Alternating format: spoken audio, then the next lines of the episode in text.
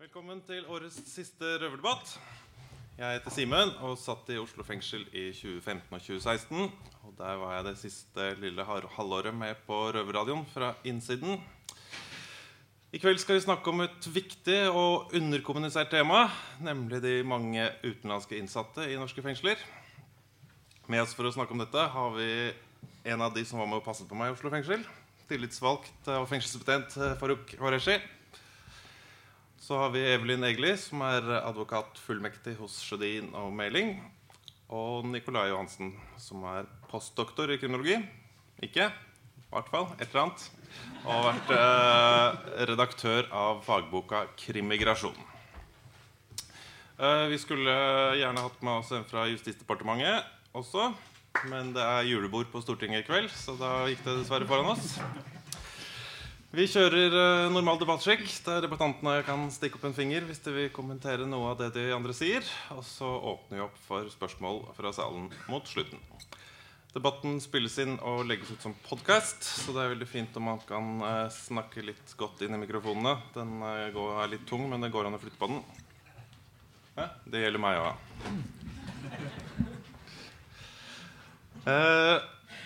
34% av innsatte i norske fengsler er utenlandske statsborgere.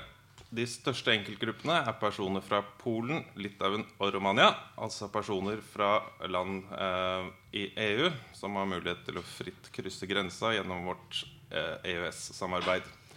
Men det kommer også en del fra land utenfor EU, ofte fra land uten utleveringsavtale, og etablerte rutiner for retur av personer. Vi skal prøve å snakke litt om eh, begge grupper.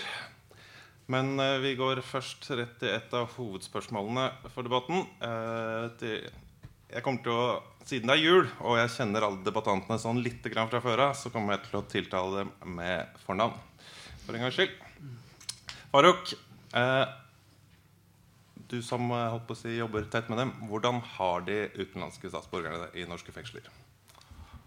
Nei, altså, Det er jo mange måter å se det på. Altså, man, eh, ofte når man snakker om norske fengsler og, og, utenlandske innsatte, så blir jo hotell nevnt relativt ofte i den sammenhengen. Eh, men som ansatt i kriminalomsorgen og som jobber i førstelinja, altså dvs. Si, altså direkte med, eh, med, med, den gruppen av innsatte, eh, så, så, opplever vi jo at det er en stor frustrasjon som går særlig på språkproblematikken. Eh, og det, gjelder, det, går jo begge veier. Eh, altså Materialistisk De har jo selvfølgelig eh, akkurat det samme lovverket å forholde seg til. Materialistisk standard, akkurat lik som alle andre innsatte. Eh, men det, det, vi, det, vi, opplever, er jo språkproblematikken som først og fremst begrenser vår muligheten til å ha eh, normal kontakt med de innsatte. Eh, og det tror jeg preger dem i mye større grad enn det de faktisk gjør uttrykk for. Eh, både i fengselet, men også ikke minst også i den generelle debatten om kriminalomsorg. Eh, og som Simen var inne på i sin egen innledning, det er ikke tvil om at det er underkommunisert, den problematikken. Som igjen, altså Språk er essensielt hvis vi skal kunne klare å både altså rehabilitere dem, hvis vi skal kunne klare å jobbe opp mot dem, eh, gjennomføre straffen på en god måte. Eh, og konsekvensene av den språkbarrieren er jo frustrasjon. Det er, det er eh, Vi sliter med å forstå dem. Eh, og det blir liksom ikke et naturlig eh, samspill eller, eller relasjon mellom den gruppen av innsatte og ansatte. Så det, det er vel nok mitt svar på det. Hvordan, hvordan, hvordan, utenlandske innsatte har det i norske fengsler. Var det ingen fingre? Nesten. Ja, jeg kan, eh, jeg kan egentlig ja. fra begge. Jeg kan gå videre på den, for, for dette med språk er jo noe som vi òg har en utfordring med som advokater, som kommer i fengslene og skal møte utenlandske innsatte. Eh, og man har eh, rett til tolk, og vi kan prøve å få oppnevnt en tolk som kan bli med oss i møte med de innsatte, men i praksis så skjer det altfor sjeldent. Det ender med at man reiser i, i, eh, en samtale med en utenlandsk som kan noe norsk, og skal forklare de ganske avanserte lovmessige ting, men òg faktiske forhold som, som man til, til, dels får frem, og til dels ikke får frem. Så kan man velge å reise tilbake en annen dag med en tolk, men, men dette er ikke lett å få til. Så, så det har òg hendt at man både i avhør og i fengselssituasjonen må bruke andre som tolker. Og det er ikke holdbart. Nikolai?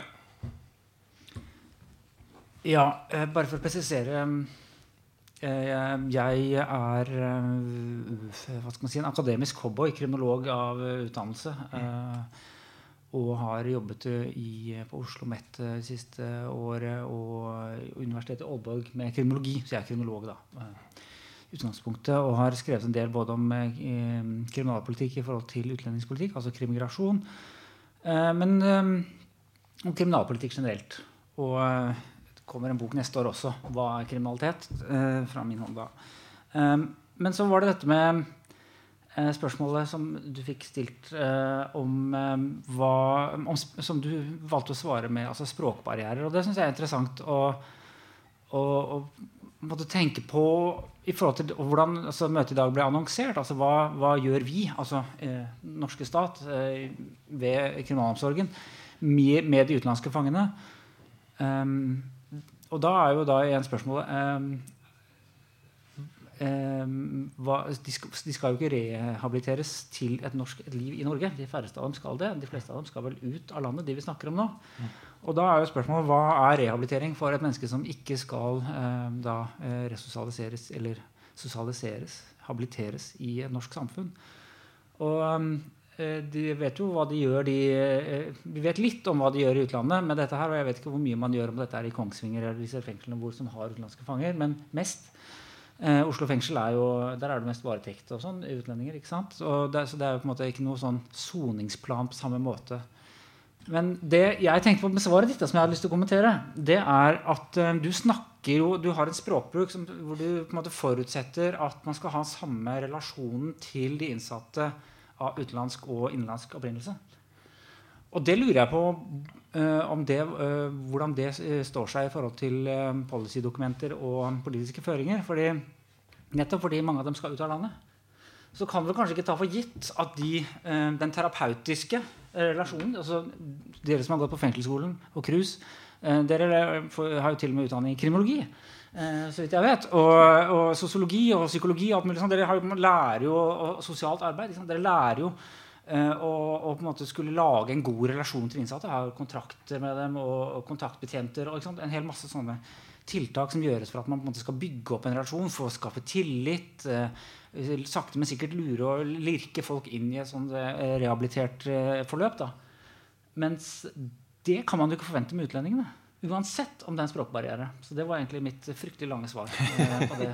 En korte kommentar. Ja. Kan gå videre med deg, Nikolai.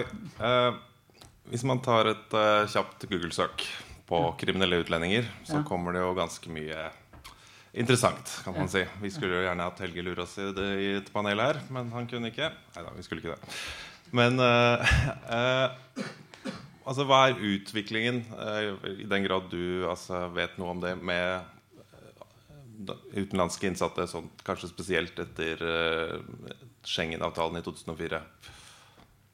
Har det blitt mange flere? Ja, det har det jo, Siden 2004 har det vel blitt mange flere. Det skjedde jo ganske bratt. Men uh, når du sier 34 i dag, så tenker jeg at da har det, da har det satt ganske stille de siste fire-fem årene. tenker jeg på andel utlendinger. Men så er det det med varetekten. da, Der er det jo antallet mye høyere, vel. Uh, opp i 50% utlendinger. Det, jeg følger ikke med på disse tallene i daglig. Jeg jobber ikke med det til daglig.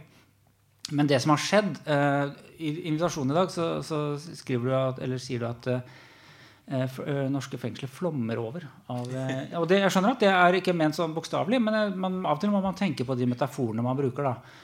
Og når man sier 'flommer over', så er det noe som, skyld, altså noe som kommer utenfra. Det er ikke noe vi gjør selv, altså som stat eller kriminalomsorg. Det er noe som skjer med oss. Vi er det passive, og så skjer det med oss.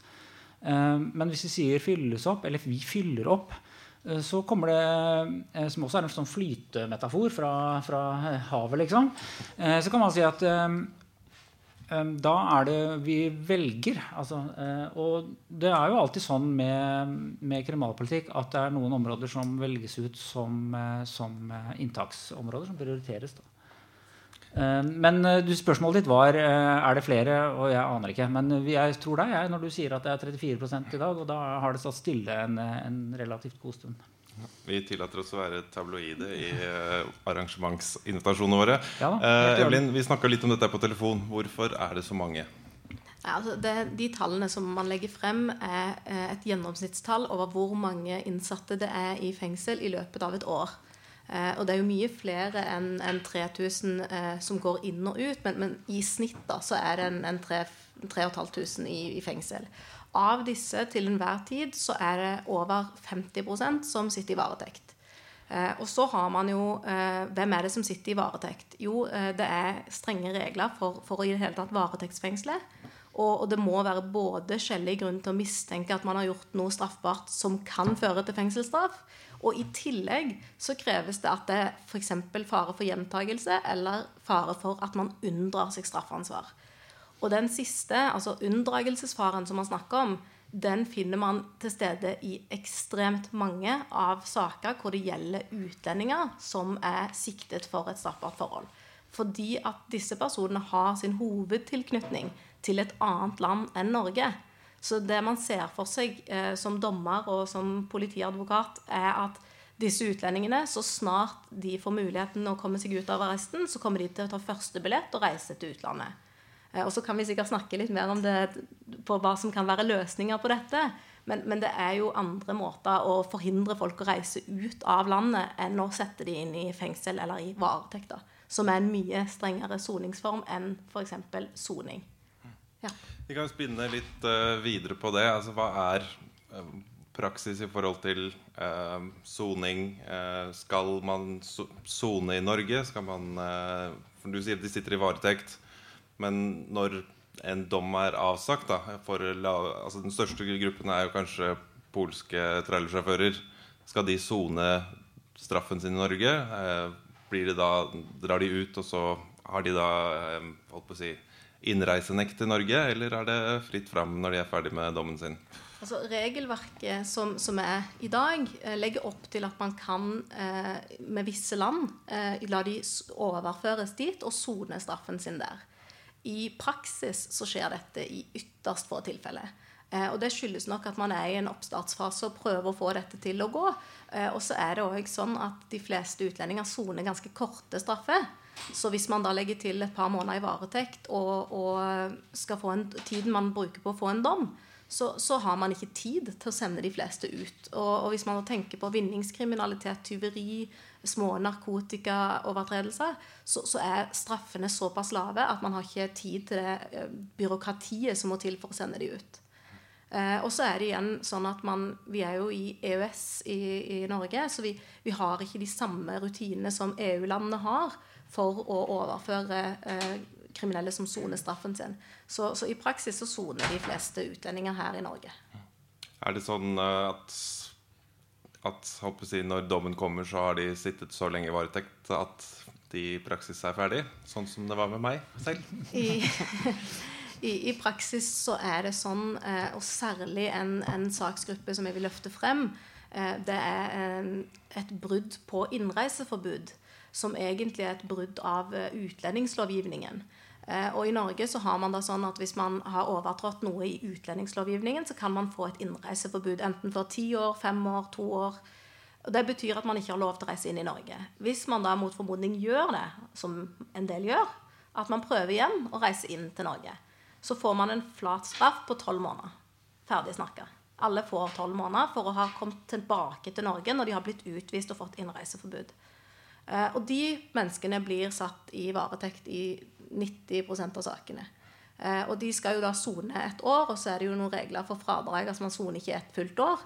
Eh, og, det innebærer jo da at innen den saken kommer opp i tingretten, så er de ferdig. Og hvis man skal prøve å anke den, så er det jo helt uaktuelt, for de er ute av landet før saken kommer opp i lagmannsretten. Så, så, i de sakene der så, så er de ferdigsont. Og i veldig mange andre typer saker så er de òg ferdigsont før de får dommen sin. Og det er jo et, igjen et problem, fordi man risikerer oversoning, rett og slett. Farouk, du jobber jo i Oslo fengsel, som eh, jo nå fungerer basically som et varetektsfengsel. Hvordan jobber dere med de utenlandske som sitter i varetekt? Som Nikolai sier, de skal jo kanskje ikke rehabiliteres? Nei, det er helt rett, det Nikolai sier. De skal jo ikke rehabiliteres til eh, Og det var derfor jeg var bevisst på bruken av ordet rehabilitering og ikke tilbakeføring. Eh, fordi, eh, men for vår del så handler det om to ting. Det ene er jo, ene er jo altså det, den eh, relasjonen mellom, mellom, de ansatte og innsatte er jo ikke begrensa til rehabiliteringsaspektet. Men dette handler jo også om sikkerhet i et fengsel. jo bedre relasjon vi har til de innsatte, uavhengig av om det er en norsk innsatt eller en utenlandsk innsatt, så, så har jo det noe å si for, for, sikkerheten både til de ansatte, men ikke minst også, også, også innsatte og den totale sikkerheten på fengselet.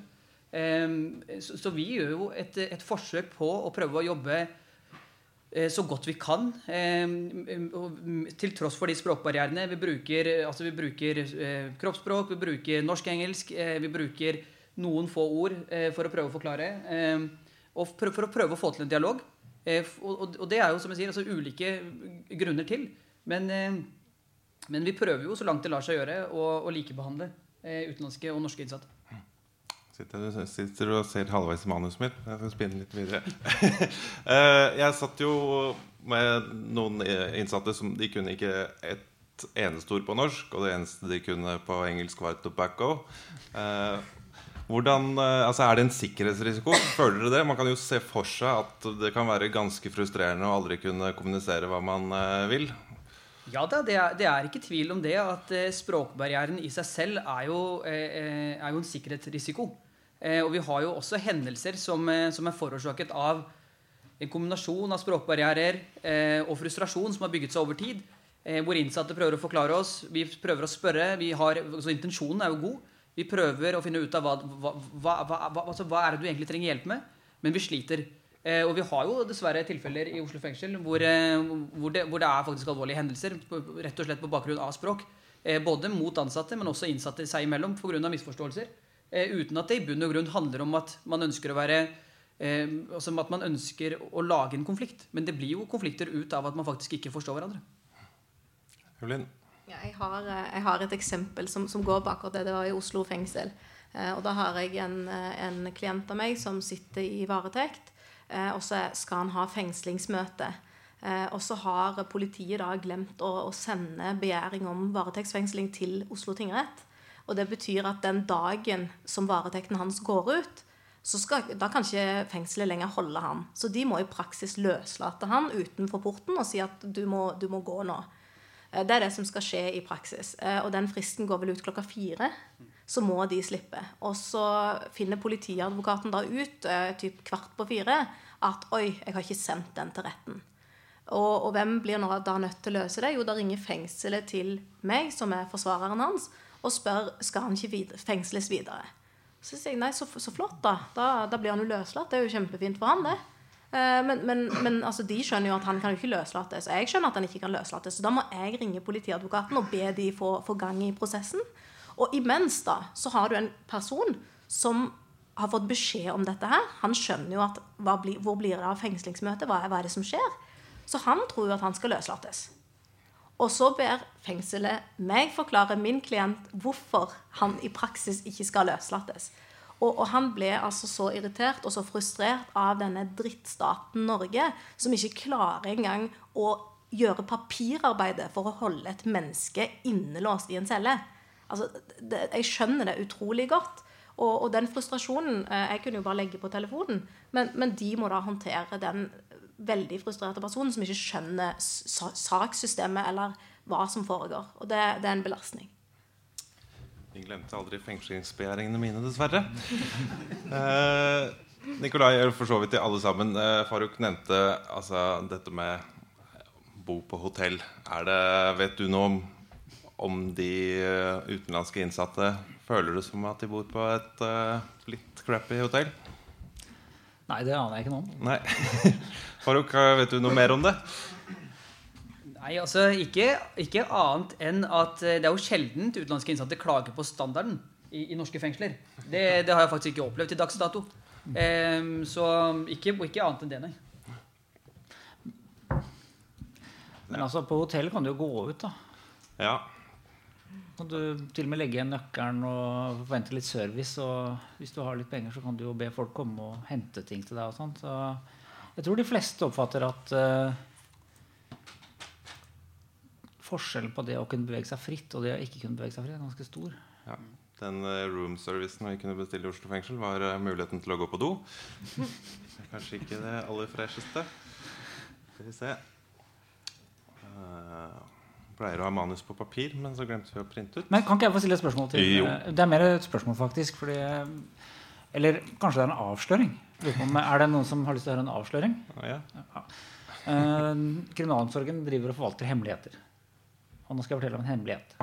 De fleste vet om den, men hemmeligheten er jo det at uh, kriminalpolitikk er jo proppfull av symboler og en masse sånne der, um, store fakter og, og, og um, sterke følelser. sånn at når noen har fått en straff, da skal straffen selvfølgelig gjennomføres. Og hvis noen har begått kriminalitet, så skal de jo fanges og stilles foran en dommer og helst bøye hodet og, og skamme seg og si unnskyld, ikke minst. Og det er jo ofte fint at folk sier unnskyld, det, det skal jeg ikke tulle med. men men så skal de altså ha sin, sin rette straff, og så skal den straffen gjennomføres. Og alt skal foregå etter rettsstatsreglene. Men så er det dette her med at uh, alle disse symbolene uh, blir jo forhandla bort ganske mange steder. Sånn at uh, veldig mye av det vi kaller lovbrudd, det blir jo ikke fulgt opp med straff. Og det blir jo aktivt ikke fulgt opp. Så det er jo en del lovbrudd som vi nærmest per definisjon ikke følger opp. Og dette, er, dette finner vi på, i policydokumenter, som f.eks. Politirådutvalget mange steder rundt omkring i stortingsmeldinger og sånn, så kommer det til syne, men noen steder kommer det veldig tydelig til syne. Um, F.eks. i da dette politirolleutvalget, som er fra 1991. Det var ikke alle her som var født da. Men eh, det, eh, den gangen så ble det laget altså, planer for hvordan eh, politiet skulle operere. Dette er da ikke domstolene men, og ikke kriminalomsorgen, men politiet. Men de har jo en særstilling. Og da kom man fram til den fine formuleringen at vi skal ikke ha et geskjeftig politi. Vi skal ikke ha et politi som tar, all, fange, tar, opp all kriminalitet. Vi skal prioritere, og vi skal ha et politi som er underdimensjonert i forhold til alle lovbruddene. Og det er en sånn slags innrømmelse av at det hele strafferettssystemet det eh, skal, eh, det skal ikke være dimensjonert for å ta alt. Men det står i stikk strid med forestillingene om at eh, hvert lovbrudd nei, det kan vi ikke ha noe av. Nei, dette er umulig. Og det er en eh, det krenkelse av statens suverenitet hvis noen begår et lovbrudd uten, uten, å få en straff. Dette finner vi ned på, særlig nede på miniatyrnivå. Og det er her spørsmålet mitt kommer. Fordi at uh, Mange av disse uh, prioriteringene da, som er liksom politisk skandaløse hvis de kommer til overflaten uh, Hvis jeg hadde hatt en halvtime, skulle jeg fortalt om skandaløse saker. Men det vi kommer kom til å tenke på det her når du sier dette her med de som sitter i varetekt og til og med risikerer oversoning, og som egentlig bare skal kastes ut av landet når de er, når de er ferdigsonet. Her hadde det vært mulig, og dette gjør man jo i kriminalomsorgen. strafferettssystemet, Det gjør man ofte. Man ser mellom, gjennom fingrene. Det korrekte uttrykket er 'ser gjennom fingrene'. Um, det gjør man mange steder. Mange steder i forvaltningen. Alle forvaltninger gjør det, også i kriminalomsorgen. Og, og, sånn. og da lurer jeg på Hadde det ikke vært det beste om man så gjennom fingrene og lot disse folka her få lov å rømme landet likevel? Det hadde jo kosta oss mye mindre. Altså det, det, verste som skjer, er at de ikke får straffen sin. Men hysj, det er ingen som får vite det. Uh, og de, da kunne de kontaktbetjentene tatt seg en uke ekstra ferie og kanskje tatt seg inn etter å ha vært overarbeidet i lang tid. eller et eller annet sånt. Det, vært, det er en vinn-vinn-situasjon, men det krever at vi ser gjennom fingrene. Og det skjer overalt. Men uh, det var veldig vanskelig å snakke om det da, i den politiske offentligheten. Man kan ikke skrive avisinnlegg. Nå må vi se litt mer gjennom fingrene når det gjelder utenlandske fanger. Og det er mitt forslag, da. Siden vi ikke har uh, statssekretær Johansen her Um, kan spinne litt videre på det. Ja. Jeg hadde en uh, nigerianer uh, som heter Meka. Veldig trivelig type. På nabocella mi på C2. I, han satt der i ca. åtte måneder. Han var blitt tatt med 30 gram kokain og skulle da deporteres. Hvor mange kroner koster åtte måneder i Oslo fengsel, Farouk? Jeg vil vel tro at det koster et eller annet sted mellom 600 og 800 000. Ja, er det fornuftig bruk av ja, Nå betaler ikke jeg så mye skatt, men av deres skattepenger? Nei, altså Jeg har jo også sett, altså, gjennom mitt verv som tillitsvalgt tatt til orde for to ting. Det ene er jo at hva gjelder praksisen i forhold til brudd på innreiseforbudet, og at man oppholder eh, dem i norske fengsler i tolv måneder, det er for meg rart. Altså, det, er, det, det, er, det er dårlig samfunnsøkonomi. De skal ikke tilbakeføres til samfunnet vi bruker mye penger, tett opp imot en million, på å ha dem i varetekt hos oss. Det burde vært eh, en, altså det burde ha vært en helt annen ordning. Eh, innreiseforbud. Bryter man den, fortest mulig ut av landet. Eh, det vi ser altså av erfaring, er at mange av de som bryter innreiseforbudet, har jo på en eller annen måte relasjon til Norge likevel. Altså Om det er familie eller om det er barn. Eller, eller, de har på en eller annen måte, Og de vil jo komme tilbake igjen. Så effekten av de tolv månedene er jo ikke det at, altså, den er jo ikke preventiv. Det er jo ikke sånn at den som har brutt det innreiseforbudet, eh, ikke kommer tilbake når han blir sendt, sendt tilbake igjen. Eh, og det, og det, det, det, det syns jeg er rart at man ikke eh, altså, Ja, nå har kriminalomsorgen mye ledig kapasitet, men for et par år siden, når det var soningskø og man slet med kapasiteten, så syns jeg det var rart at eh, politisk ledelse ikke tok det grepet der. I hvert fall i den forbindelse. Evelyn? Og det som, det som, er interessant med akkurat den tolvmånedersstraffen for brudd på innreiseforbudet, er at den er begrunnet eh, av våre kjære politikere og domstoler med at den fungerer allmennpreventivt. Ikke, ikke individualpreventivt, men først og fremst allmennpreventivt. Det vil si at vi i Norge tror at en afghaner som blir tatt for, noe, for å komme tilbake til Norge og besøke kjæresten sin eller barna sine, når han blir sendt tilbake til Afghanistan etter å ha sittet på hotell eh, Oslo fengsel i ett år, så, så, tenker man at han reiser tilbake til Afghanistan og sier til vennene sine, familien sin, ikke dra til Norge hvis du ikke har oppholdstillatelse, for da kan du først få et utvisningsvedtak og et innreiseforbud. Og hvis du da reiser tilbake igjen, så kan du risikere å måtte sitte i Oslo fengsel i tolv måneder. Altså, det tror vi at det er følgen av at man har så streng straff at det skjer. Og, og, det tror jeg er helt uaktuelt. Og jeg har selv hatt klienter som har sittet i tolv måneder, eller ni måneder, da, og så blitt sendt ut. Det er ikke sånn at de på slutten av de, den siste måneden der tenker sånn åh, nei, dette var, dette var forferdelig. Det de tenker er forferdelig, er å reise tilbake til Afghanistan eller til Irak eller hvilket land det måtte være. Så det de planlegger i løpet av de nye månedene, er hvordan skal jeg komme meg tilbake igjen? Og det, det er jo ikke allmennpreventivt i det hele tatt. Nikolai? Ja, det du forteller om nå, er jo at um, Noe jeg har vært opptatt av ganske mange år, egentlig, det er jo det at um, fått en sånn sammensmeltning mellom utlendingspolitikk og, og kriminalpolitikk. Og uh, det har bl.a. vist seg på akkurat det området der at man får en forskyvning mellom altså, innvandringsfeltet, rent politisk, da. Politisk heter det innvandringsfeltet og det kriminalpolitiske feltet. altså Den samme type logikk eh, og flyter mellom de to områdene. Derfor så har vi jo eh, sett i, eh, i, eh, På innvandringsfeltet så snakker man jo om at man skal ha såkalt eh, Står litt stille her. Eh, altså når man Spørsmål om barns rettigheter når de kommer som mindreårige asylsøkere så er det spørsmål om hvilke hensyn uh, skal barnekonvensjonen veie tyngst? Eller er det uh, nå står det stille meg, uh, nasjonale interesser, altså sånn innvandringspolitiske hensyn. Og innvandringspolitiske hensyn det er et kodeord for altså en slags allmennpreventiv logikk. Så vi har altså fått, Inne på innvandringsfeltet har vi fått en kriminalpolitisk tenkemåte. Det er veldig pussig, egentlig, og det har, bare, det har, skjedd uten at veldig mange har kommentert det.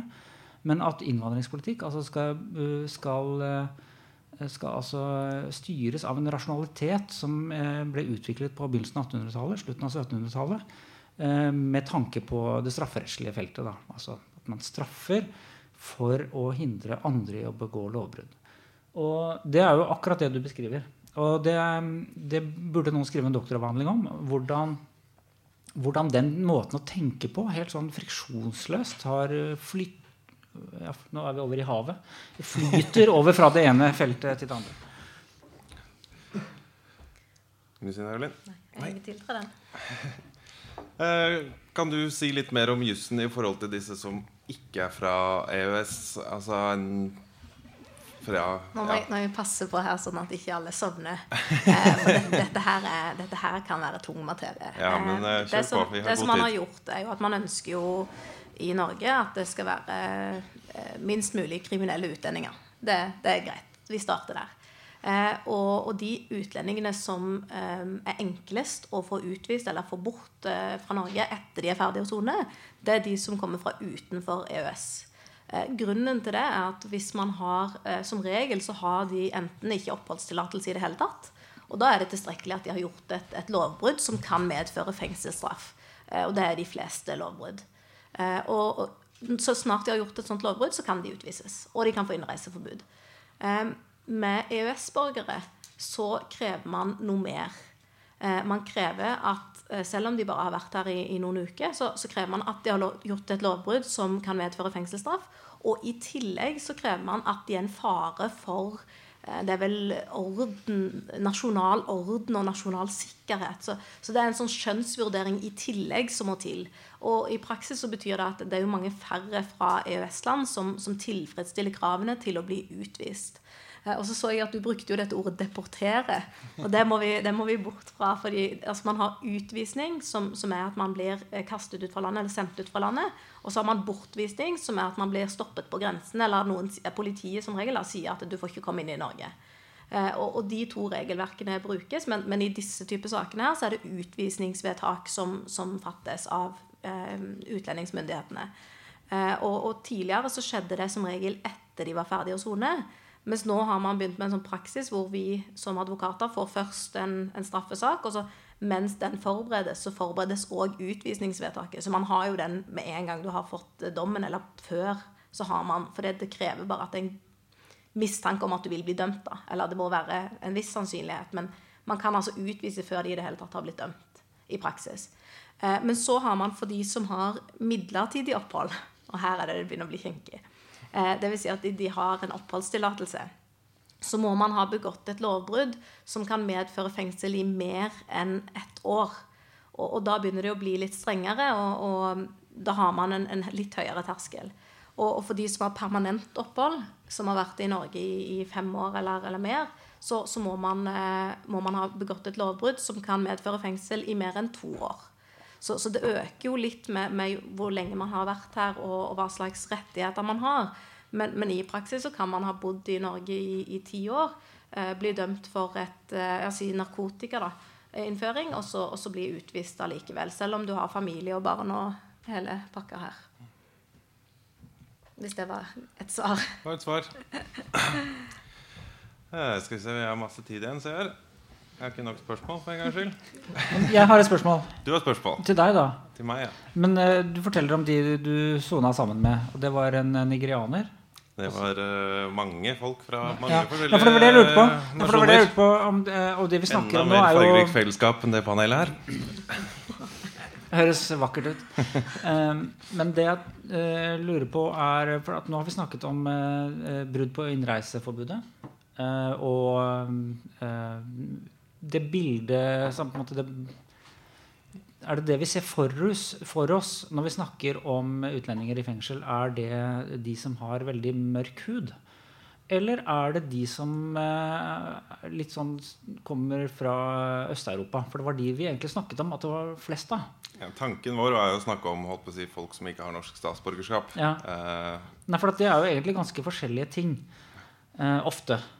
Uh, fordi at jeg ser for meg, i hvert fall altså Jeg vet ikke nok om det til å, å, å, si noe veldig sikkert, men det gjør jeg egentlig aldri, så det er ikke noen forskjell på det her og, og, og ellers. Men, men, uh, men uh, det er ganske forskjellige lovbruddskategorier som ligger til grunn for, for de, um, de lyse i huden-utlendingene og de mørke i huden-utlendingene.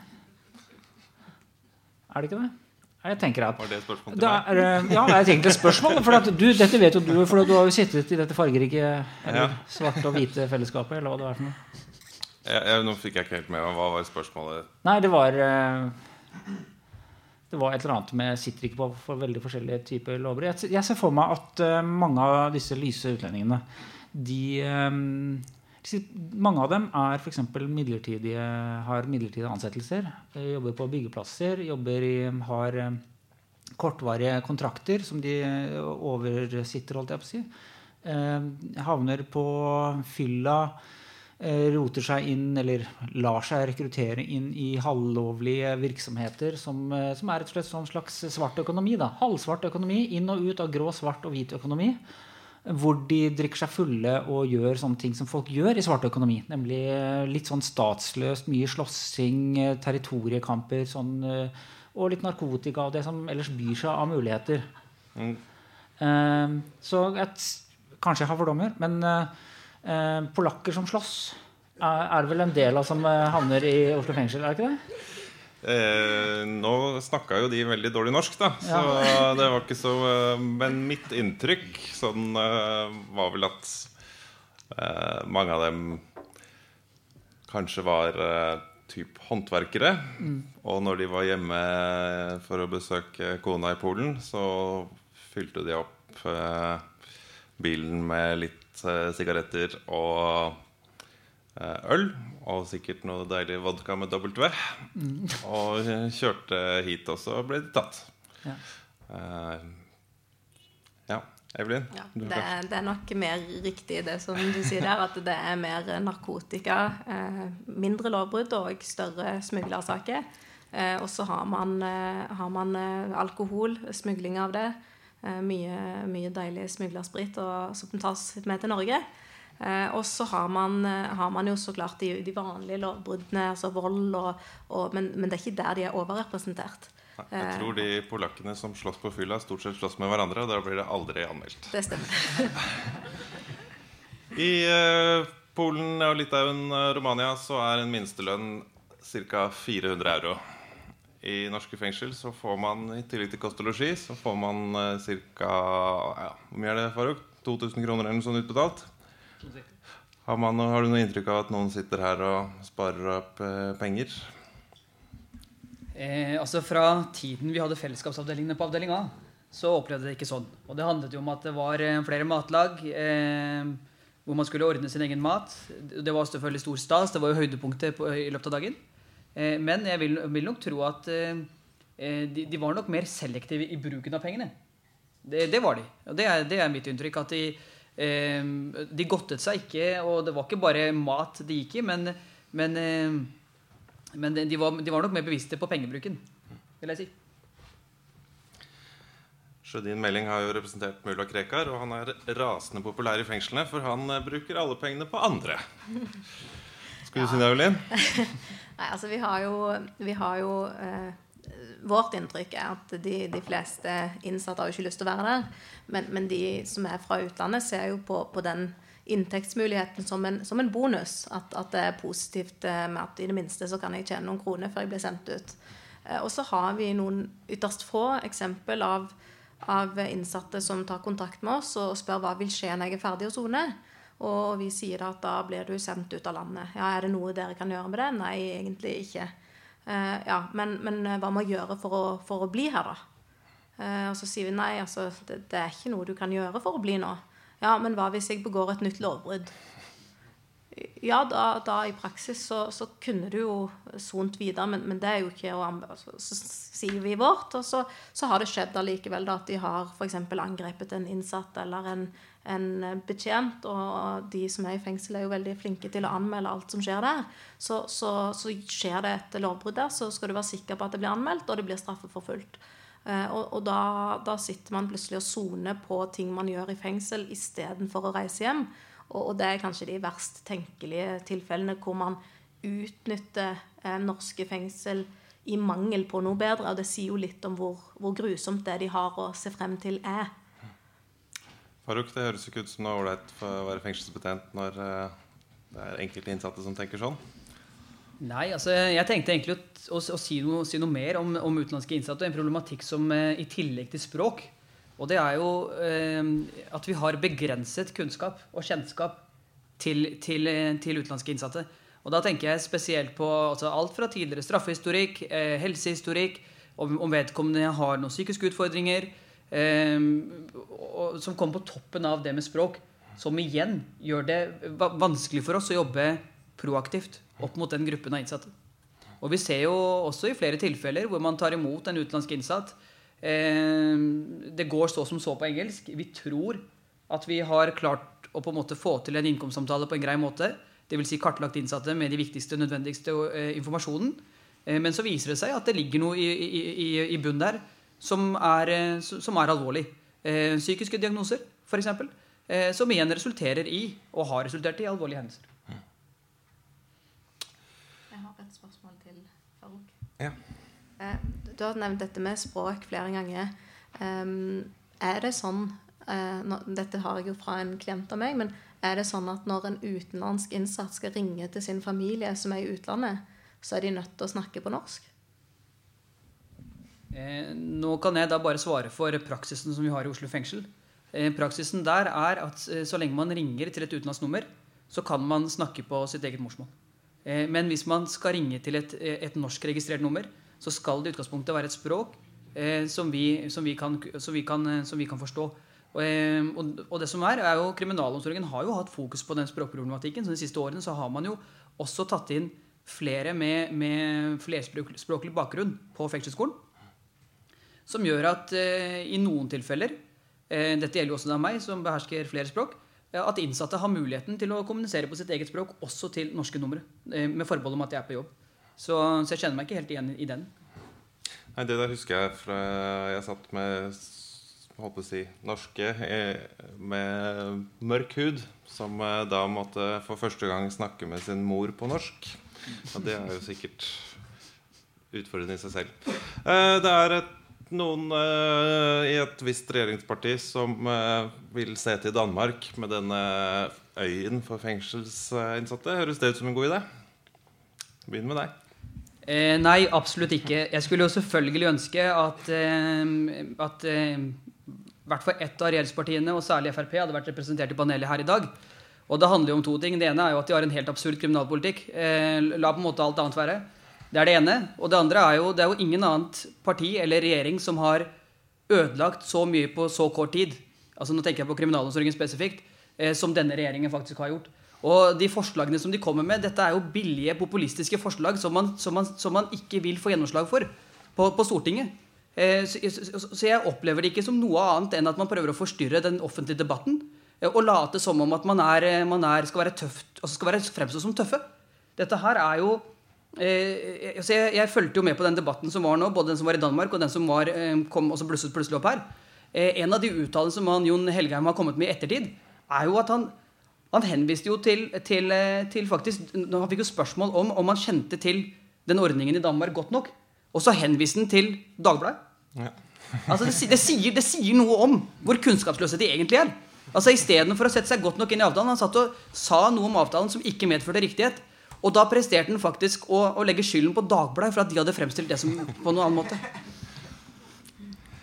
Kan jeg få si noe om det? Absolutt. Uh, jeg syns kanskje ikke det er helt greit å diskutere med folk som ikke er til stede. Sånn, uh, Nei, og... nå har uh, vi ja, prøvd å få Frp her på alle mulige slags måter. Men det, det, er, er ikke bare er det, det julebord på Stortinget, det er fulldags bystyremøte. Ja. Og lederen i Oslo FPU måtte i en annen debatt. Samtidig som eh, det er jo befriende deilig at de ikke er her. For det, nettopp fordi disse tingene eh, som blir tatt opp her altså at Det er en annen måte å drive politikk på enn en de andre etablerte partiene, som er eh, mer sånn skrik og skrål. Sånn, er, sånn sett så vil jeg bare gratulere med at dere ikke gjorde det. Og jeg vil være helt uenig med deg i at det absolutt burde vært her. For det er en lite konstruktiv måte å, å snakke med, om kriminalpolitikk på. Men det får nå så være. Um, jeg har lyst til å bare kommentere på noe annet som ble nevnt i stad. Som jeg var veldig beskjeden holdt meg i bakgrunnen. Eh, men så snappet du eh, poenget vekk. Um, og det er jo da spørsmål om utenlandske fanger i, og, og dette som, som, kom fram her med, med hvordan hvor attraktivt det kan faktisk være å være i fengsel. At man, man lager da skaffer seg nye dommer osv. En ting er at jeg da eh, har litt lyst til å si og dra fram dette poenget igjen, dette her med å se gjennom fingrene.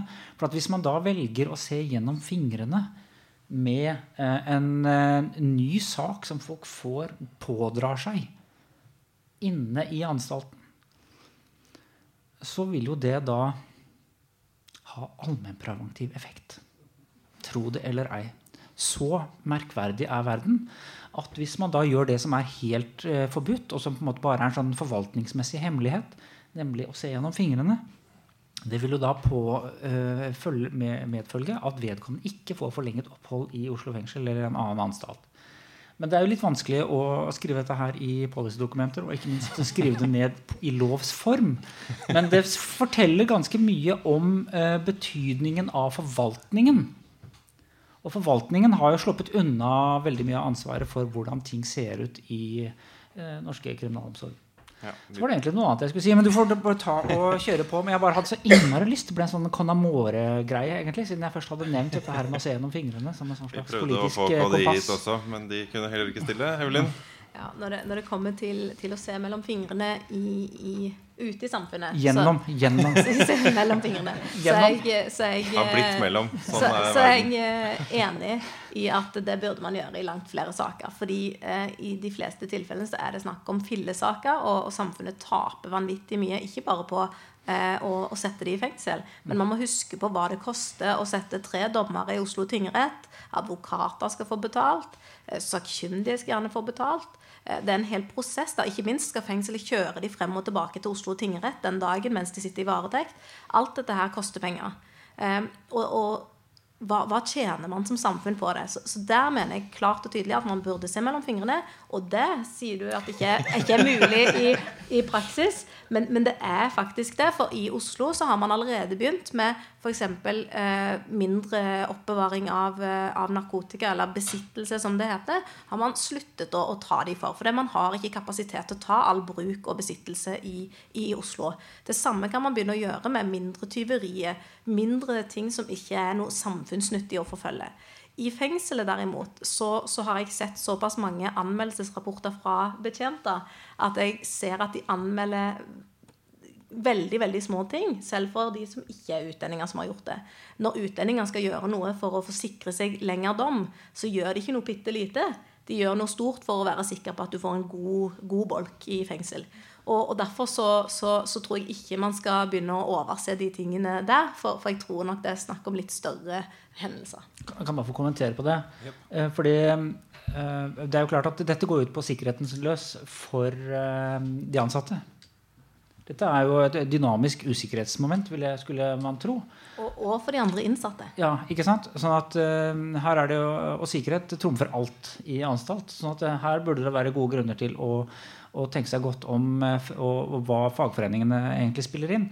Uh, og fagforeningene her er vel også et nøkkelord med en annen rolle her. fordi det er vel det er vel slik, da, som du sier nå, at hvis det er sånn at selv småting blir anmeldt i noen anstalter, så henger vel det sammen med at man vil synliggjøre farenivået for de ansatte. I, nettopp fordi det en, spiller en rolle i forhandlingene med lønn og betingelser osv. Har jeg rett, eller tar jeg feil? Jeg vet at det er sånn blant lærere enkelte steder, for eksempel, så det ville vært veldig pussig hvis ikke det var spilt inn på en eller annen måte i, uh, også i ja, forhandlingene da i det, deres sektor. Har dere sett gjennom eller mellom fingrene litt uh, oftere? Eh, nei. altså Nå kjenner jo ikke jeg til de konkrete eller altså, Hva man mener med, med, med, små saker, det vet jeg ikke helt. Men eh, det er jo besittelse ble nevnt, da. Men for, for, for, for, oss så er det spesielt viktig Nå snakkes det om tillitsvalgt. Så er det spesielt viktig at man har nulltoleranse for eh, trussel, trusler eh, mot, altså mot, ansatte, og, og ikke minst vold. Eh, de tilfellene det er vel de vi som tillitsvalgte i ulike foraer tar opp og, og, mener at kriminalomsorgen skal ha en, ha en eh, altså nulltoleranse for. Og det har jo, det har jo kriminalomsorgen. Så alle, altså de aller fleste tilfeller av vold og trusler blir jo selvfølgelig anmeldt. Eh, fra Oslo fengsel så blir jo også de gangene vi gjør funn på innsatte av, av eh, små mengder med narkotika, som man ville helt sikkert ha fått et forelegg på, for på utsiden, eh, det, det, anmelder jo Oslo fengsel eh, konsekvent. Eh, men det er jo sjeldent hvis ikke en innsatt har en ny sak som kommer opp, så er det jo sjeldent at det blir noe mer ut av den saken. Det er jo, det er jo ofte altså det vi ser. Altså vi, vi, for, for, for, for kriminalomsorgen for Oslo fengsel så er det et prinsipp i det å anmelde de, de små besittelsessakene. Men som, som, fagforening og som tillitsvalgt så er det viktig for oss at kriminalomsorgen fortsetter å ha en nulltoleranse for, for vold og trusler, og at de, de, de, de blir konsekvent anmeldt.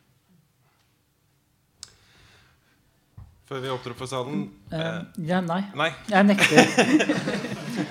um, det ble jo en stor skandale, apropos dette som, jeg, som har liksom blitt min greie nå, med å se gjennom fingrene.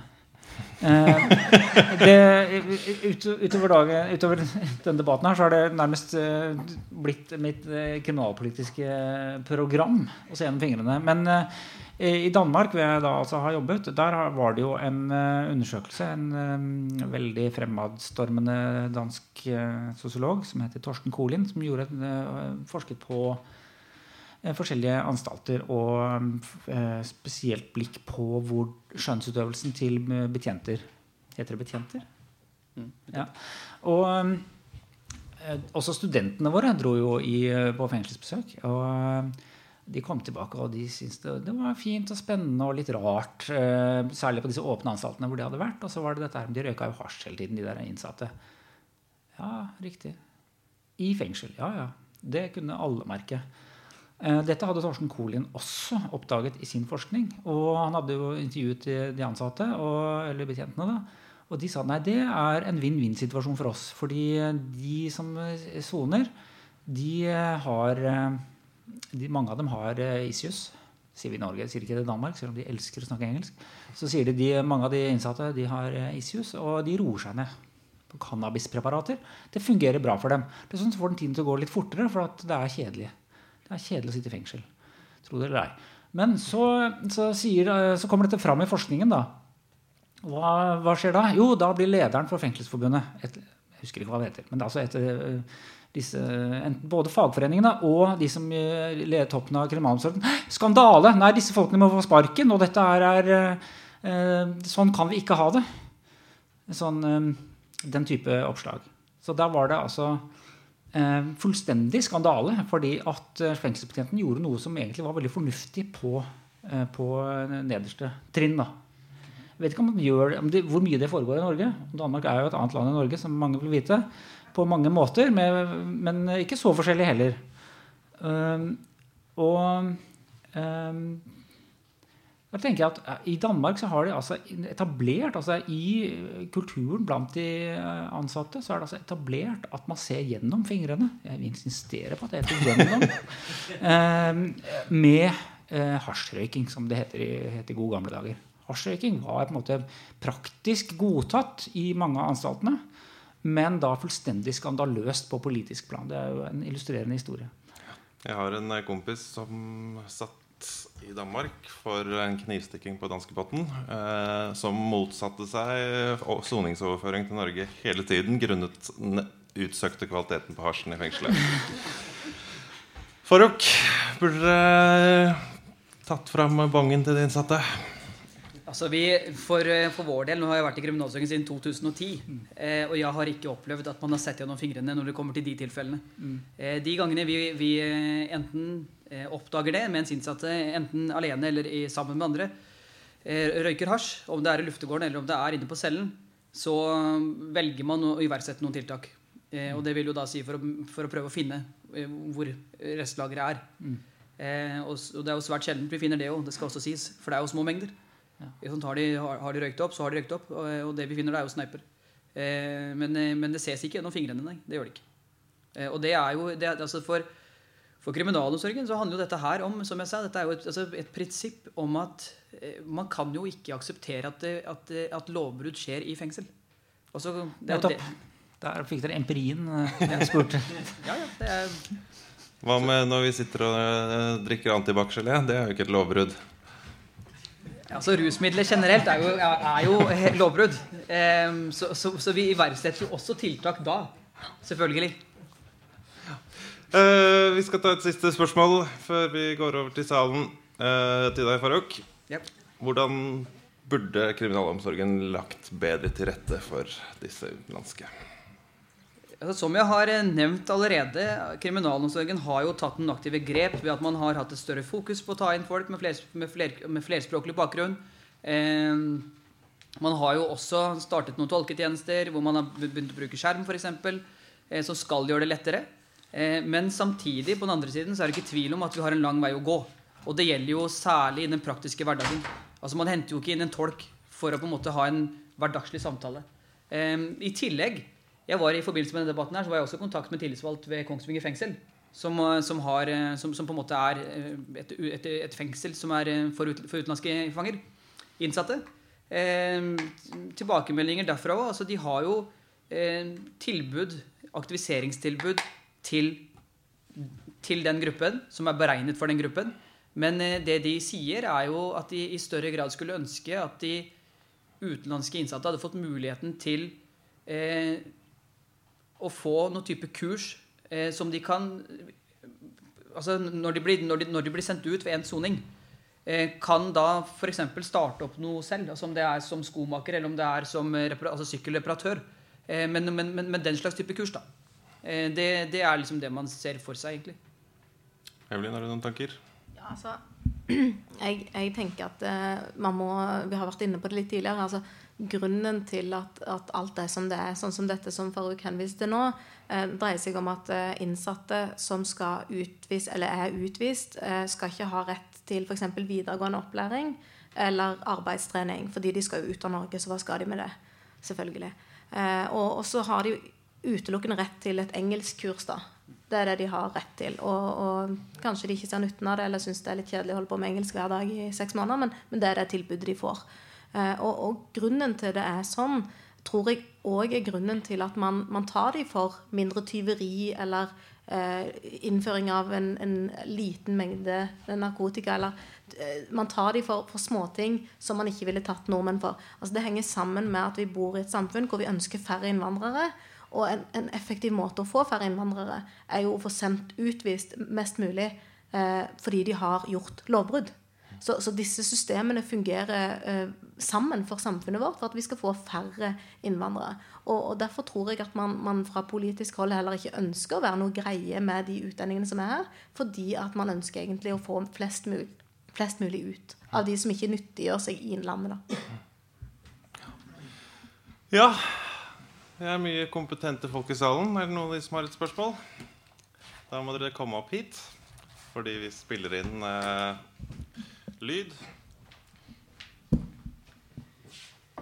Ja, mitt navn er Sven Erik Skotte, eh, jurist på fengselsskolen. Og det er vel egentlig ikke et spørsmål jeg har lyst til å komme med. Jeg har mer lyst til å komme med en liten faktakorrigering. For man snakker om at eh, utenlandske innsatte ikke har krav på rehabilitering. Og det er feil. De har krav på rehabilitering. Eh, dette er også faktisk stadfestet i lovverk internasjonalt i henhold til europeiske eh, Europarådet, 'Recommendation for Foreign Prisoners', så har utenlandske innsatte krav på eh, rehabilitering. De har krav på en framtidsplan. De har krav på at den utarbeides idet de kommer inn ved innsettelse. Og den gjelder uavhengig om de skal løslates i Norge eller om de skal løslates i eh, utlandet. Det står eh, svart på hvitt i paragraf 35 i 'Recommendation for Foreign Prisoners'. Og så en siste eh, sakskorrigering. Og i forhold til de som ikke er til stede. Eh, Frp må få stå for sin politikk, som de har stadfestet i sitt eh, prinsipp og handlingsprogram. Og Der står det svart på hvitt at utenlandske innsatte skal ha lavere materiell standard og lavere eh, son, eller, ja, tilbud, soningstilbud. Det bryter med normalitetsprinsippet. Dette er et norsk prinsipp. Og det sier at handle, hverdagen i fengselet den skal være så mest mulig lik hverdagen ute. Og det er de positive aspektene som løfter fram. Positive aspekter i forhold til samfunnet ute er jobb, og det er utdanning. De perspektivene har også utenlandske innsatte krav på. Så denne diskusjonen må endres. Det må gis et helt annet eh, fokus. Så, og så er det sånn Utenlandske innsatte, øh, hvem er de? Uh, den nest største befolkningsgruppen i Norge etter etnisk norske nordmenn er polakker. Og det er arbeidsmigrasjon vi snakker om. Og som eh, etnisk norske så begår også de kriminalitet. Så vi bør jo ikke bli direkte overrasket over at vi har en stor andel av utenlandske innsatte i våre fengsler. Og vi kommer aldri til å bli kvitt dem. Vi er en del av EU, selv om vi bare er EØS-medlem. Men det er fri flyt av utdanning, det er fri flyt av arbeid. Vi kommer til å ha utenlandske eh, personer i Norge, og de kommer som nordmenn til å begå kriminalitet. Så vi bør behandle disse på en mye bedre måte enn vi gjør i dag. Norge ut av EØS. Noen som har lyst til å kommentere? Johansen? Norsk medlemskap i, I EØS, ja. Nei, Nei, men det er jo klart det. altså Utlendinger i fengsel gjenspeiler jo altså fri flyt av de fire eh, størrelsene eh, arbeidskraft, varer, kapital og hva var det siste? Tjenester. Sånn at det er jo ikke noe pussig at Olsenbandens tid i liksom, norsk kriminalomsorg er over. Altså Den tiden da Egon Olsen på en måte var, og skapsprengerne liksom, dominerte kriminalitetsbildet. med eh, liksom, festlige innslag av sånn eh, østkantdialekt og, og Oslo-dialekter og sånn. At det på en måte var liksom eh, at den tiden er over, det, det er, bør ikke for, forbause noen. Men, men, det er jo relativt interessant da, å tenke på det på den måten. Altså, det, det, var jo en tid da kriminalitet ble gikk fra på en måte å være eh, Når man snakket om kriminalitet, snakket man om det onde og grusomme, med sånn trolske fenomenet. Altså noe, en, en, trussel som man ikke kunne verge seg mot, men som man, eh, man hadde mareritt om og, og, og, sovnet i skrekk til dette begrepet kriminalitet. Til at vi på en måte fikk den litt sånn joviale forbryteren Egon Olsen. altså Altså, det er ikke tilfeldig at den type litteratur og film, altså at den type skikkelser dukket opp i populærkulturen.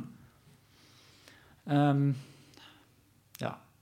Sånn at um, da innvandrerne kom og uh, flommet over eller fylte opp fengslene våre, alt ettersom hvordan vi velger å, å, bruke ordene, så skjedde det jo noe veldig heldig på mange måter. For at uh, alle samfunn har behov for liksom en sånn er, Hvem er den skumle? Og i uh, hvem er den skumle personen? Hvem er det vi er redd for nå? Vi er alltid noen vi er redd for. Uh, og På 50-tallet var det i USA var det ingen de var redd for, så de begynte å måtte finne opp disse uh, utenomjordiske skapningene. sånn at uh, Den mest skrekkelige opplevelsen for, for, for generasjonen litt eldre enn oss, det var jo da han der filmskaperen lagde en sånn radiodokumentar hvor han fortalte om in, space aliens som invaderte USA.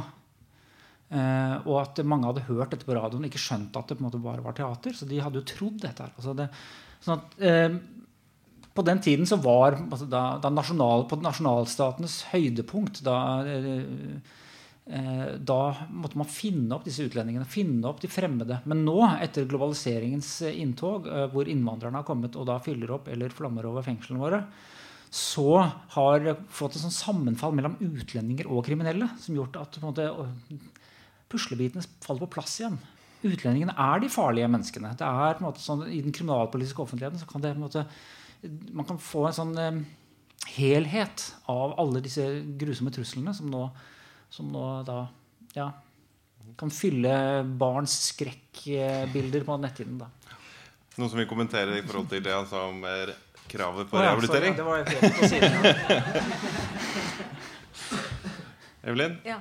Eh, ja, altså jeg, jeg, føler jo at jeg kan kommentere dette med Europaråd. Eh, det var en, vel en uh, traktat eller noe sånt du nevnte der. Jeg, recommendation, sa han. Det trenger man ikke å følge. Så hvis, hvis Norge er bundet av den, og, og, den gjelder her, så er det jo veldig rart at man har en praksis som etter alt jeg vet er skriftlig, på at norske innsatte skal ha rett til eh, rehabilitering gjennom skole og jobb, men at utlendinger ikke har rett på det samme tilbudet. Da er jo det i direkte strid med den recommendation. Og så må man ta de skrittene videre for å, få rettet opp i det.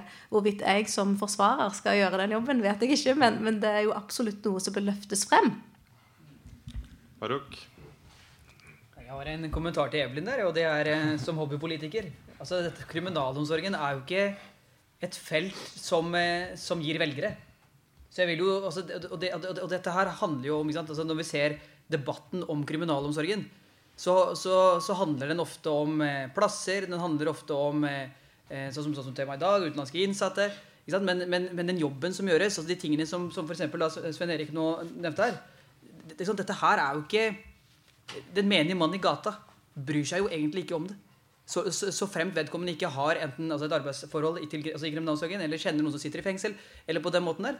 Eh, og det er jo utrolig synd, men jeg er jo helt enig. altså Dette her bør jo eh, Både den tematikken der må jo og bør jo løftes opp eh, på en helt annen måte enn det det har vært eh, nå siste årene. Nikolai? Ja.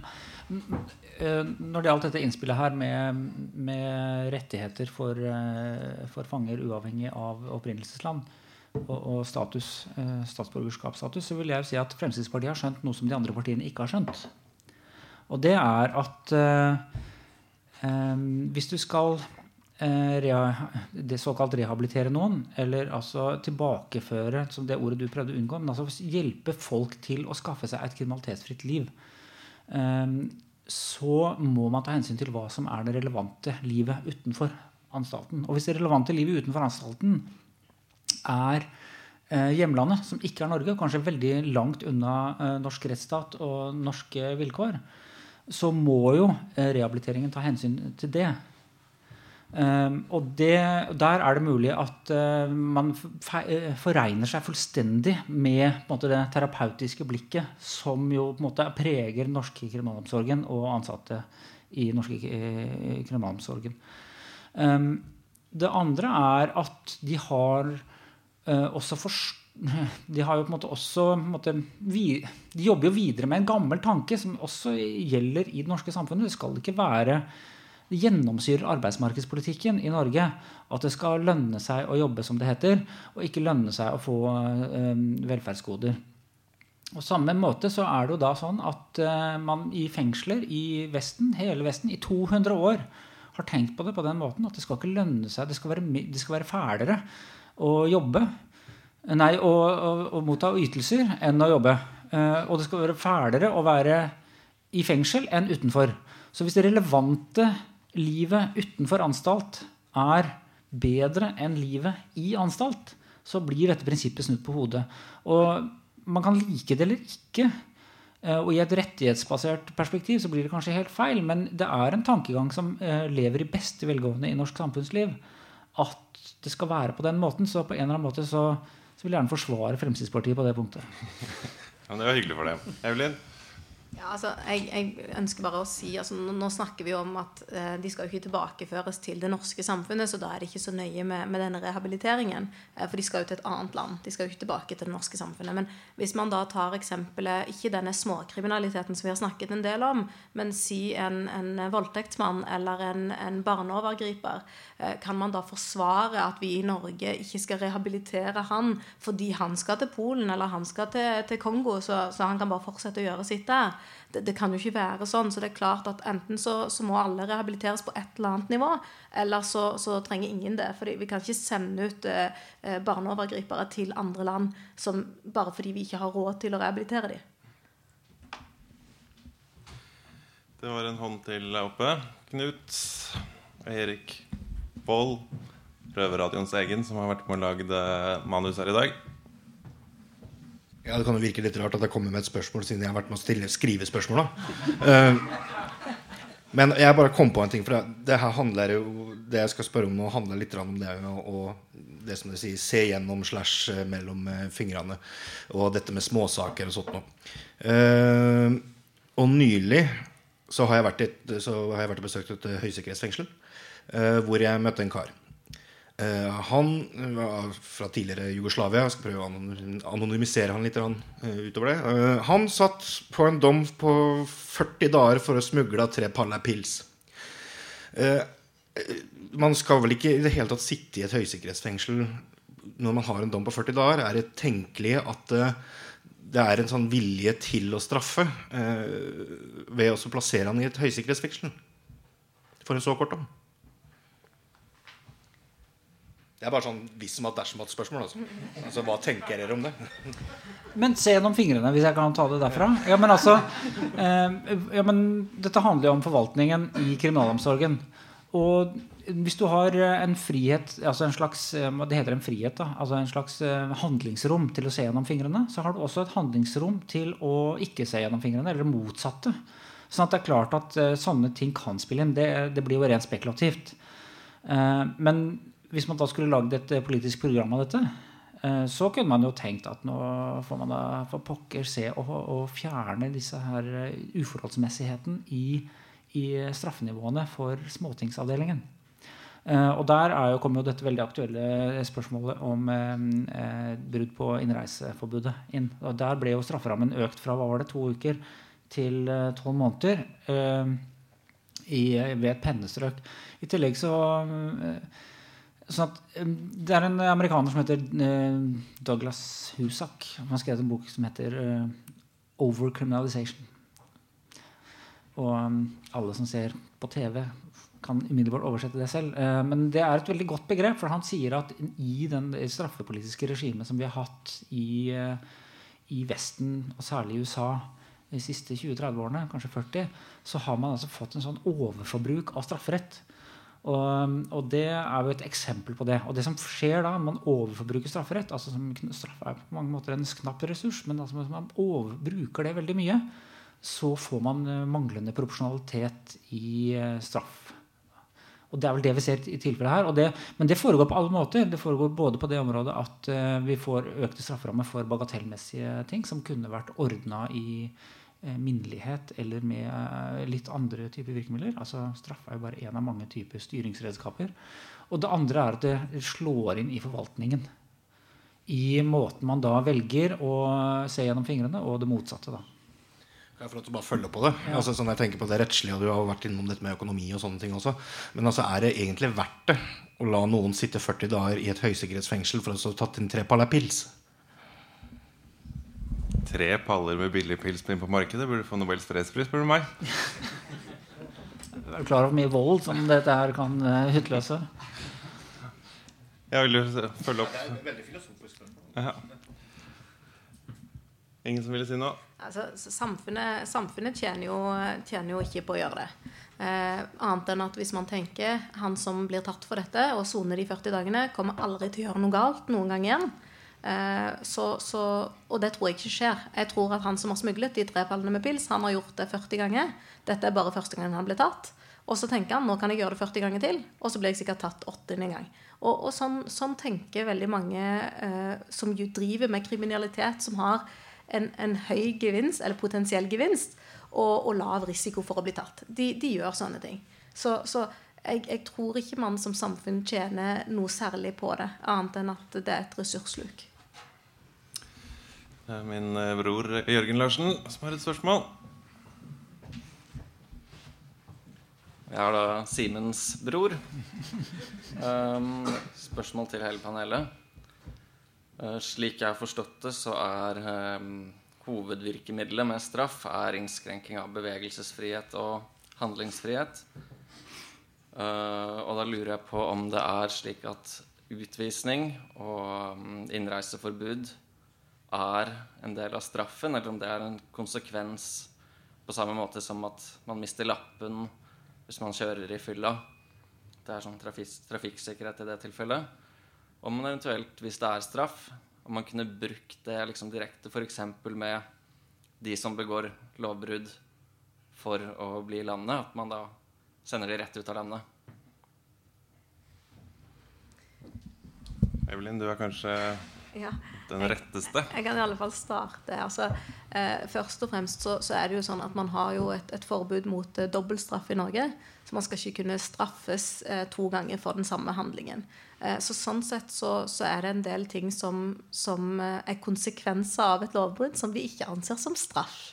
Eh, I det ligger at vi, vi, kaller det ikke straff, og det skal ikke være en straff. Men du får det, og det kan godt føles som en straff, men, men det heter ikke straff. Så det er i praksis forskjell. Så det som i praksis skjer når du blir tatt for et lovbrudd, og du er en utlending, er at du først blir dømt og skal sone en fengselsstraff for det du har gjort.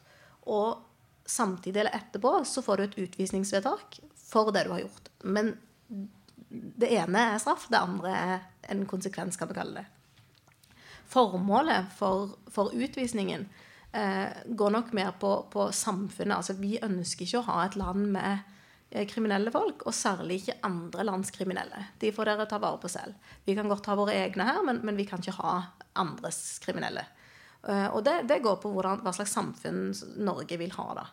Eh, men, men om man har tenkt at det òg skal være en straff, det, det, det, tør jeg ikke si. Men, men jeg tror nok at, at, egentlig så er det en slags dobbeltstraff der. Og, og, i en sånn tanke på hva kunne man gjort annerledes, eh, så tenker jeg at et alternativ burde være at man blir tatt for en straffbar handling. Og så har det jo blitt forsøkt her i Oslo dette med, med hurtigsporet. At man hurtigbehandler straffesaker og at man får opp saker på, på to-tre uker. Og der og da kunne de fått en konsekvens, og den konsekvensen kunne være direkte. At ok, nå sender vi deg til, til Gardermoen, og så må du ut av landet. Det, det er straffen du får. Eh, og da hadde man sluppet den ressurssløseriet i forkant, med at de skal være inne i noen måneder frem og tilbake og styre det. Eh, og så hadde ting gått mye raskere. Og, og det kunne òg vært en mindre belastning for, for fengselsanstaltene. Faruk, hadde vært deilig hvis noen angrep deg for å få bli og bare kunne sette ham på neste fly. Altså På et generelt grunnlag så vil jeg si at eh, jeg tror norsk kriminalomsorg ville vært tjent med å få de som faktisk skal ut av landet, raskest mulig ut. Det, det tror jeg. Men her må vi tenke på det at um, det å få en straff her faktisk er et privilegium for mange. Altså hvis, du, får en, en, straffesak mot deg, så har du jo rett til å få saken prøvd for en domstol. Og masse straffeprosessuelle rettigheter. Uh, da tenker jeg ikke først og fremst på at ting går langsomt, for det gjør det jo dessverre. Men det å få et utvisningsvedtak, det er jo veldig mye mer inngripende i folks liv. Uh, særlig fordi du, du nevner at folk har jo gjerne De som de dette gjelder, har jo familie og barn. Som om det var to forskjellige ting. Altså, de Eh, de har eh, tilknytning til Norge som oftest, og det blir ikke tillagt noe særlig vekt. og det, De blir jo vedtatt eh, dette her, Det er jo strenge retningslinjer for hvordan dette, disse sakene skal avgjøres. Men dette gjøres jo da i et, et, et, et en eller annen komité i Utlendingsdirektoratet. Sånn at du har jo på en måte ikke noen rettigheter som på en måte, Hvis det kommer en utvisningssak på deg, så har du ikke den samme straffeprosessuelle De rettighetene du har sånn Eh, tiltalt i en straffesak. Og det, og det, er det jeg mener med at faktisk så er det et privilegium å få altså, hvis du får, Man kan drømme om å få en rettergang eh, for mange av disse menneskene her. Og det er jo helt i det blå. Så det er jo ikke en straff, da. Men det er jo et rent juridisk spissfinderi eller politisk eh, tullball. Eller i hvert fall ikke, om ikke tullball, så i hvert fall en eh, lureløsning, da. Eh, men eh, i Danmark så er utvisning straff. Så det er jo ikke, ikke, fryktelig langt. Det er bare å ta Stena Saga eh, i tolv timer, så er du i et regime hvor, det går, hvor det har, de har funnet ut at det går an å koble utvisning og, og straffesak. Sånn at det, det, burde være mulig å få gjort det her også. Og, og så vil jeg bare påpeke altså, en annen av grunn, grunnene til at, eh, at man eh, har så mange utenlandske innsatte i norske fengsler, er jo òg fordi andre straffeformer, som samfunnsstraff, betinget fengselsstraff, fotlenkesoning, ikke kan bli brukt på utlendinger fordi at man antar at de ville stukket av lenge før de satte i gang. Så, så det er jo en av grunnene til at man har så vanvittig mange utenlandske som, som mye heller burde hatt fotlenke hvis de har oppholdt seg i landet. Eh, og, og, så, hvis man drar den videre, da, så, så kunne jo da et utvisningsvedtak i en, i en tenkt verden vært et alternativ til, eh, til, fengselsstraff. På samme måte som at fotlenkesoning er et alternativ for norske innsatte. Da sier vi tusen takk for oppmøtet og god jul.